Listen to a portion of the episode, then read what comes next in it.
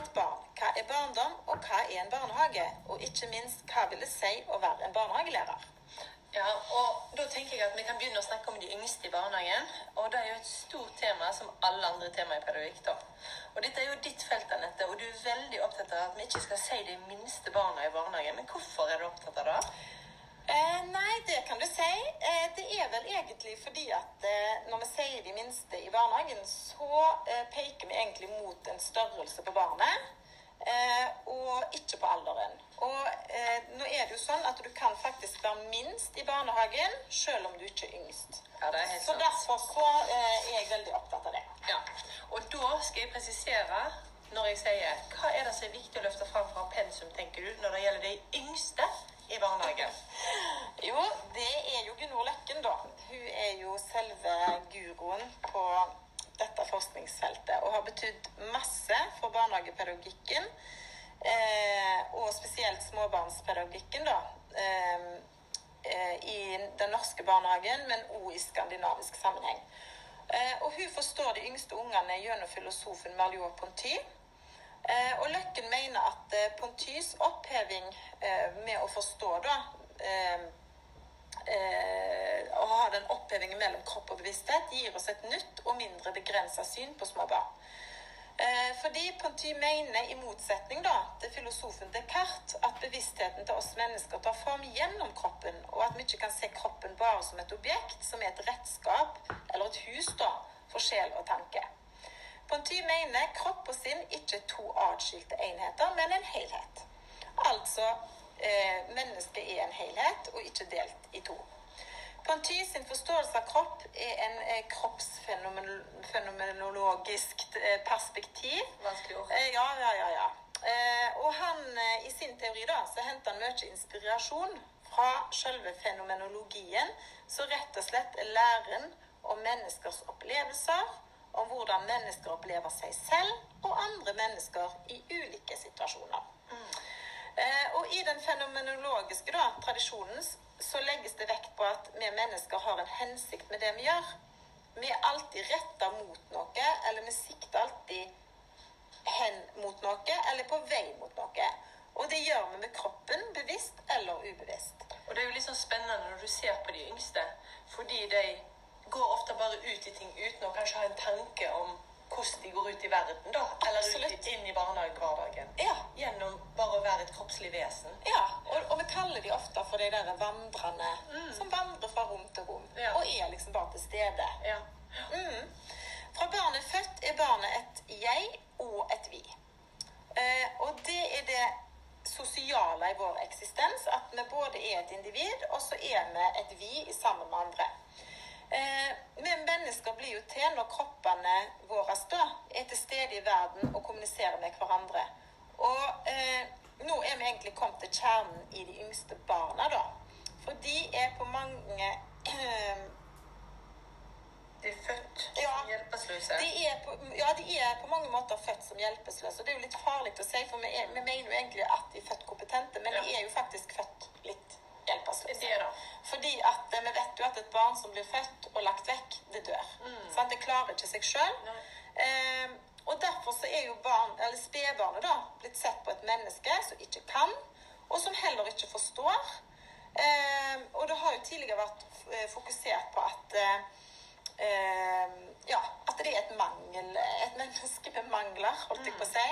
Eh, og det er jo litt sånn som vi har snakket om tidligere, dette med tomme kar. Mm. Men eh, det som er, vet du, er jo at alle er jo født med en kropp. Eh, selv om du kommer til verden uten erfaringer, på en måte, så er du en kropp eh, med sanser og, og med eh, en sånn indre motor til å kommunisere med andre. sant? Eh, og gjennom den kroppen, da, og bli, og bli født med en kropp, så har du allerede en tilgang til verden ut ifra denne teorien. da, sant? Eh, og det er jo derfor kroppen blir så viktig å ha fokus på når du er sammen med et nyfødt barn eller de yngste ungene i barnehagen da, på ett til to år. Sant? Kroppen er de yngste ungenes kompetanse i verden. De erfarer med sine kropper på samme måte som mennesker med større kropper gjør. Ja. Og dermed så blir små barns erfaringer like verdifulle som voksnes eh, erfaringer. Mm. Helt sant. Og da er det utrolig viktig at en ut ifra et sånt syn òg tenker på hva erfaringer og opplevelser vi kan gi disse små kroppene. Absolutt. Det er så viktig å ha respekt for å møte den eh, kroppen sånn som den er, samtidig som vi skal på en måte bringe noe til denne kroppen da, i det sosiale. sant? Um, og det aller viktigste er jo at vi anerkjenner dem for sånn som de er. Eh, og at de får utvikle seg i et positivt miljø i barnehagen, da. Eh, så tenker jeg at det å utforske verden, eh, det gjør de av en grunn. Eh, de har ikke som hensikt å rote når de f.eks. tømmer alle duploene ut av kassen, og så kryper de inn i den tomme kassen sjøl. Da utforsker de, prøver ut kroppen sin med min lille kropp inni denne, dette lille rommet som heter kassen. sant? Og de kaster ikke koppen på gulvet bare for å irritere de voksne i barnehagen. De utforsker på en måte tyngdekraften. Hva skjer da når jeg hiver noe ned her? Eh, og de raser ikke tårn for å ødelegge, men de erfarer gjennom det de gjør da. Men de tror det er vanskelig for mange å forstå det. Åh, det er kjempevanskelig, og det tok meg så lang tid å egentlig klare å sette meg inn i den type teori, da. For jeg var jo den som skulle ut og jobbe med de eldste. Og så enda jeg på en småbarnsavdeling, og så ble bare det helt kjempespennende. Men det som er poenget for oss som barnehagelærere, da, eh, det er jo hvordan vi møter denne utforskertrangen, da. Eh, og, og erfaringer, sant. Eh, og dette blir jo nøkkelen til hvordan et småbarn opplever seg sjøl og verden, sant. Eh, for det vil sitte i kroppen deres resten av livet. Er det mye nei og negativitet og lite forståelse for den utforskertrangen? Eller er det pedagoger som har kunnskap og anerkjenner og heier på den lille kroppen sin utforskerstrang? Det vil være forskjellen på hva småbarn sitter igjen med etter en tid på småbarnsavdelingen. Og om de er et mangelmenneske eller et kompetent menneske. Ja, det er helt sant. Og da kommer jeg til å tenke på persepsjon, fordi det er jo også et viktig begrep når vi kommer inn på dette med opplevelser og erfaringer. Eh, er ikke det noe som er viktig å ha fokus på når det kommer til denne sammenhengen her? Jo, så absolutt. Altså, persepsjon er begrepet for sanseinntrykk. Og et sanseinntrykk det får vi gjennom sansene våre, som er jo syn, hørsel, taktil, kinesestisk, lukt, smak osv. Og, mm. og persepsjon inneholder egentlig to ting. Og det ene er at eh, et sanseorgan blir stimulert. Og nummer to er jo at denne stimuleringen da resulterer i en opplevelse. Og hvordan du tolker et sanseinntrykk og så opplever det, det kommer jo an på hvilke erfaringer du har fra før. Så når du f.eks. hører bjeffing, som er er jo et hørselsstimuli, så vil det oppleves annerledes for deg hvis du er blitt jagt av en hund en gang. Ja. Da vil jeg kanskje føle frykt. Ja, sant? Mens for meg så vil det være koselig, fordi at kanskje min hund alltid bjeffer og ønsker meg velkommen når jeg kommer hjem, f.eks. Ehm, og, ehm, eh, og så er det jo sånn at eh, Det gjelder jo kanskje for alle Ja. sanseinntrykk, da. ja, det er det det gjør, vet du. Eh, og da er det voldsomt viktig at vi er pålogga i møte med barn, fordi at de eh, har jo etter hvert for no, fått noen erfaringer, men samtidig så er det utrolig mange førstehåndserfaringer de skal gjennom. da. Eh, og vi ønsker jo at de skal få gode erfaringer, eh, så de kan bygge på resten av livet. sant? Og det gjelder jo òg selvfølgelig når de har hatt negative følelser og opplevelser. sant? Men det som er viktig for dem da, er jo at de på en måte behersker Klarer liksom å få litt kontroll på dem, eh, selv om det har vært dårlig, men med hjelp da, av en voksen. sant? Mm.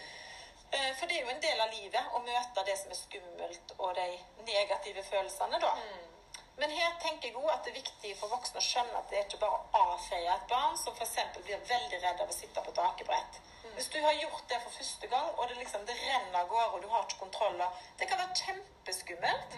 Eh, og ungen kan begynne å grine, det kan vise med kroppen at det vil av. Men så, men så lar vi det sitte der. For ja, men dette går fint. sant? Og da overser du barns følelsesmessige uttrykk. Eh, og så bruker du din erfaringsbakgrunn og din voksne oversikt. Sant? For det er jo ikke noe farlig. Det er jo ingen risiko i dette, men det ser ikke det barnet som sitter der. Så det å tilby da det barnet om å få lov å komme av, er veldig viktig. For små barn klarer gjerne ikke det sjøl. Og, ja, og det tenker jeg er så utrolig viktig, for det er så lett at vi på en måte pålegger barn våre følelser Ja. istedenfor å anerkjenne deres følelser. Og, og da tenker jeg også litt sånn, Du snakker om pålogging. Ja. Men da kan vi jo faktisk komme inn på Stern sitt begrep som handler om å tone seg inn. Mm. At vi voksne må tone oss inn på barns følelsesmessige tilstand, og ikke omvendt. Mm. Og det er jo veldig viktig, for det gjelder jo da kunnskap om de yngste barna sin kommunikasjonsmåte, tenker jeg, Mm. for at det skal kunne tone seg inn. Absolutt. Og når vi er inne på det, så er det jo sånn at de yngste barna da, de kommuniserer jo annerledes enn barn som eh, har erobra det verbale språket, og som vi voksne òg har gjort. sant? Så når det gjelder følelsesmessige uttrykk, da, så har de uro, gråt, latter og stillhet eh, som et uttrykk. Og når det gjelder kommunikasjonsmåter, så er det jo på en måte kroppsspråket, tonefall, gester, lyd, bevegelse, berøring, grimas og blikk. Og dette er jo, mange av disse er jo veldig lydløse, så det er jo derfor vi alltid sier at du skal egentlig ha øynene både foran og bak når du er på en småbarnsavdeling, for du må, du må følge med med blikket ditt.